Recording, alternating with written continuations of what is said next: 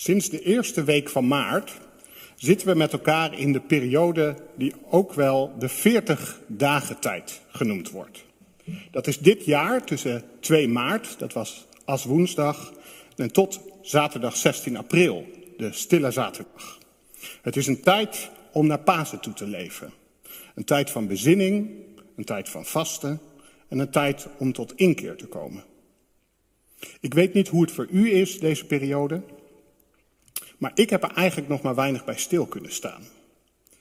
Aan de ene kant ben ik gewoon volop aan het genieten van het prachtige weer en ook een beetje gestrest dat ik achterloop met van alles wat in de tuin moet gebeuren. Aan de andere kant maak ik me erg zorgen over de situatie in de wereld. Over in dit geval vooral Oekraïne en de spanningen daaromheen. En ik vraag me dan af, wie ben ik en wie zijn wij als kerk daarin? En wat ook meespeelt is dat we al drie maanden bijna in de Psalmen Challenge zitten. En ik vind het soms best een uitdaging om bij te blijven, elke, elke dag eigenlijk weer. Mijn focus ligt, ligt dus meer bij die psalmen dan bij de periode waar we in leven in het kerkelijk jaar. De 40 dagen om toe te leven naar Pasen, die schieten er gewoon een beetje bij in dit jaar. Ik weet niet hoe dat bij u is. Ik vraag even de camera op mij te richten, niet op de zaal. Maar herkent u wat ik zeg? Steek dan even uw hand op. Zijn er mensen die echt zeggen, er zijn best wat mensen die hun hand opsteken voor de mensen thuis. Of zijn er toch mensen die zeggen, nee, ik ben heel bewust naar Pasen aan het toeleven dit jaar. Hier zie ik niet zoveel handen de lucht in gaan. En ik heb me ook wel afgevraagd of het lezen van de psalmen me daar nou echt bij helpt. Toch bleek de psalm die we vandaag lazen verrassend goed te passen op een zondag als deze. Laat me dat wat meer uitleggen. De 40 dagen tijd, die duurt eigenlijk geen 40 dagen, maar 46 dagen. In de kerkelijke traditie zijn er zes weken lang om zes dagen per week stil te staan, te verstillen en te vasten. Maar op zondag mogen we vieren dat Jezus is opgestaan. De zondag is de dag van de blijdschap, van de vreugde en van de lof. Psalm 67, die we vandaag lazen, past daar dus ook prachtig bij. Het is een danklied. Er klinkt dankbaarheid voor de zegen die al ontvangen is en de zegen die nog komen gaat. De psalm is eigenlijk in drie kleine delen te delen. Als eerst bidt de dichter om Gods genade en zegen voor het volk Israël, zodat de hele wereld God leert kennen. Daarna vraagt de dichter om lof en zegen, of lof van de volken voor God. En als laatst laat de dichter zien dat hij ervan overtuigd is dat Gods zegen voor Israël zichtbaar is voor de wereld en de wereld daardoor ontzag voor God gaat krijgen. Dat is een beweging die eigenlijk door de hele psalm heen speelt. De beweging van Gods genade en zegen aan de ene kant en aan de andere kant de oproep dat alle volken uiteindelijk de lof aan God gaan brengen. De beweging van zegen van het ene volk naar de zichtbaarheid voor alle volken. Zodat de volken Gods rechtvaardigheid leren kennen.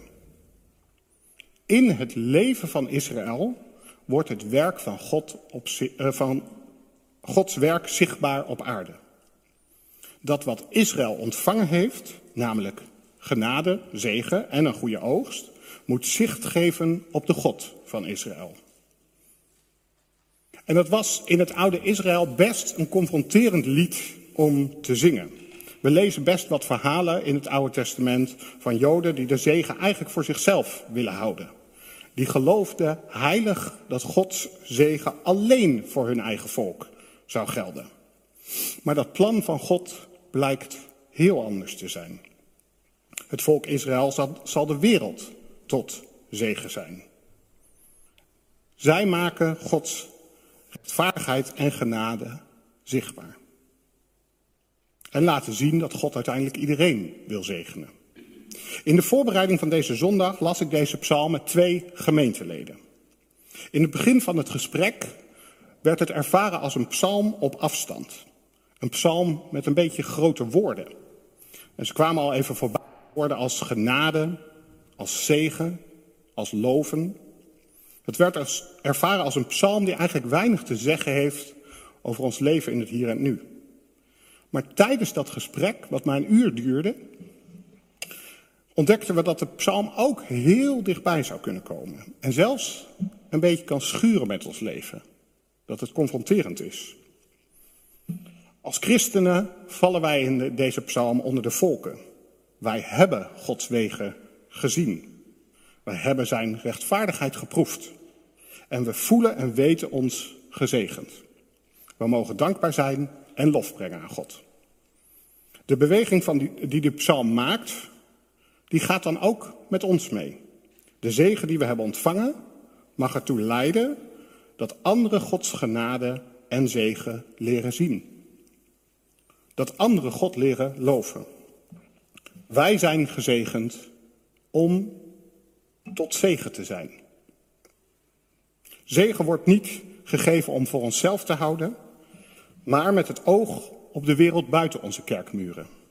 En daarmee is de kerk er niet voor zichzelf, maar als getuige voor de wereld. De psalm is daarmee zowel een gebed als een opdracht. In eerste instantie is het God die in ons midden zegen geeft en vraagt om die met andere mensen te delen. Ik denk dat we het niet moeilijk vinden om te bidden om die zegen. De psalm doet het. Wees ons genadig en zegen ons. Doe uw aangezicht over ons lichten. Het roept echter de vragen op of we ook kunnen bidden hoe we kunnen delen van onze rijke oogst. Bidden we ook dat we een zegen mogen ontvangen om tot zegen te zijn. Dat laatste, dat botst denk ik in onze cultuur. Zegen is blijkbaar veel meer dan iets individueels. Het is meer dan alleen goede en mooie dingen in onze eigen levens te ontvangen. Het is meer dan een goede oogst krijgen. We worden opgeroepen om onze blik te verruimen in de psalm. Zegen gaat namelijk niet om persoonlijke vreugde die, God, die we van God ontvangen, maar om mensen tot het einde der aarde die ontzag leren hebben voor God. Elke zegen getuigt daardoor van Gods goedheid. In het gesprek ontdekten we dat dat wat vragen oplevert. Bijvoorbeeld, zijn we herkenbaar door de zegen die we hebben ontvangen? Waarin voelen wij ons eigenlijk gezegend? En zijn we nu zo anders dan mensen die niet geloven? Zichtbaar anders. En ik kon die vragen, en dat konden wij in het gesprek, niet zo makkelijk beantwoorden. En we ontdekten dat we daar nog veel in kunnen leren. Een eerste stap die we ontdekten was dat we misschien wel meer moeten leren stil te staan bij de schoonheid, bij de liefde, bij de mooie en de goede dingen in ons leven. En ons te verwonderen over de prachtige schepping. Dat we mogen leren dankbaar te zijn voor de tekenen van Gods zegen en daarmee die zegen ook laten zien. En dat deed mij denken aan een vrouw in een kerk waar ik lange tijd betrokken was. Die vrouw die leerde mij dat, hoe dat kan.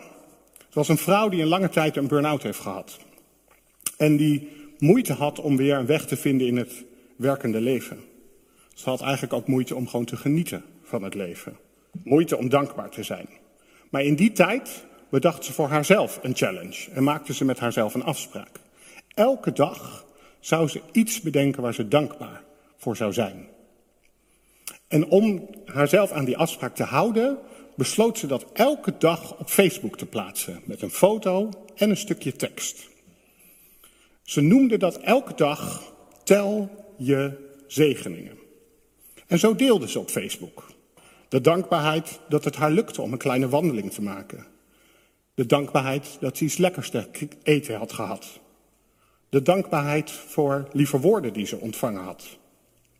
De dankbaarheid voor zonnestralen. En soms durfde ze ook dankbaar te zijn dat het haar niet lukte om naar buiten te gaan, maar dat het haar lukte om toe te geven aan de moeilijkheden.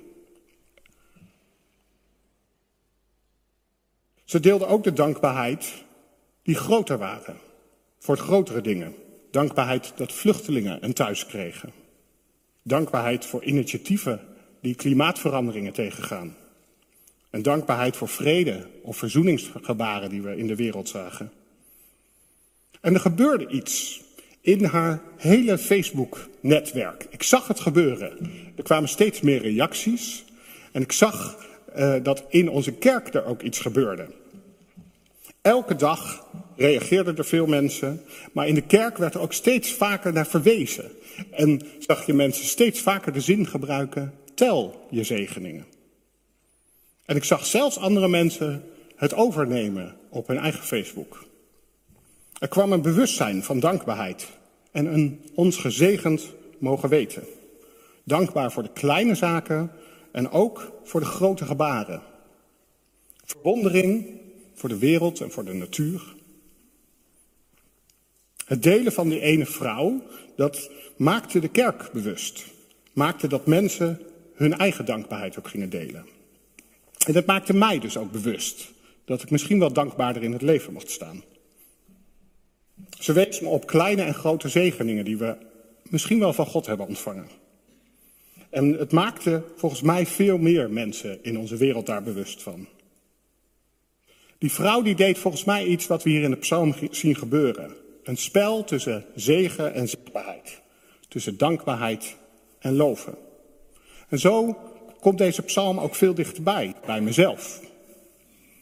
Het gaat niet alleen maar over volken die elkaar tot zegen en getuigen zijn, maar over groepen mensen en personen waarvan we ook hopen dat ze iets van Gods goedheid leren kennen. In het voorbereidende gesprek van deze kerkdienst lazen we een tekst van Karel Eijkman, die hij had geschreven naar aanleiding van deze psalm. Het was een inspiratie geworden voor een gebed voor zijn eigen dochter. Het gebed heet een zegenbede voor mijn dochter. En ik lees het graag voor. Jij weet het, mijn kind. Echt goedgelovig ben ik niet. Maar daarom kan ik je nog wel toewensen dat je wat hebt aan Gods woorden. Dat je daarop kan rekenen als je steun nodig hebt. Dat je daarin kan schuilen als je, onderzoek, uh, als je onderdak zoekt. Dat het je helpt vertrouwen te vinden. Dat het je bijligt door tunnels heen. Dat je richting vindt als je de weg niet weet. Zodat Hij nabij is als jij ver bent. God geeft je vrede, voortdurend en in ieder opzicht. Zoiets bedoel ik, bij wijze van spreken. Ongeveer. Het gebed deed ons beseffen hoe concreet we die zegen van God ook zouden kunnen toewensen aan de mensen dichtbij ons. Voor wie wij misschien wel een zegen zouden kunnen zijn. Om iets van Gods liefde toe te wensen aan een ander. Zien we het? Voelen we het echt? Dat we dragers van Gods zegen zijn? En lukt het ons uit te delen van die rijke oogst? Aan een dochter of een vriend, een buurman, een collega, een geliefde, een zomare voorbijganger, een vreemdeling. We leven toe naar Pasen, een tijd om te verstillen, om te vasten en te bezinnen. Ik hoop en ik bid dat we deze periode kunnen gebruiken om met deze vragen te worstelen. Om onze dankbaarheid voor Goede eh, Vrijdag en Pasen ook zichtbaar te maken naar de wereld om ons heen. Mogen dat zo zijn. Amen.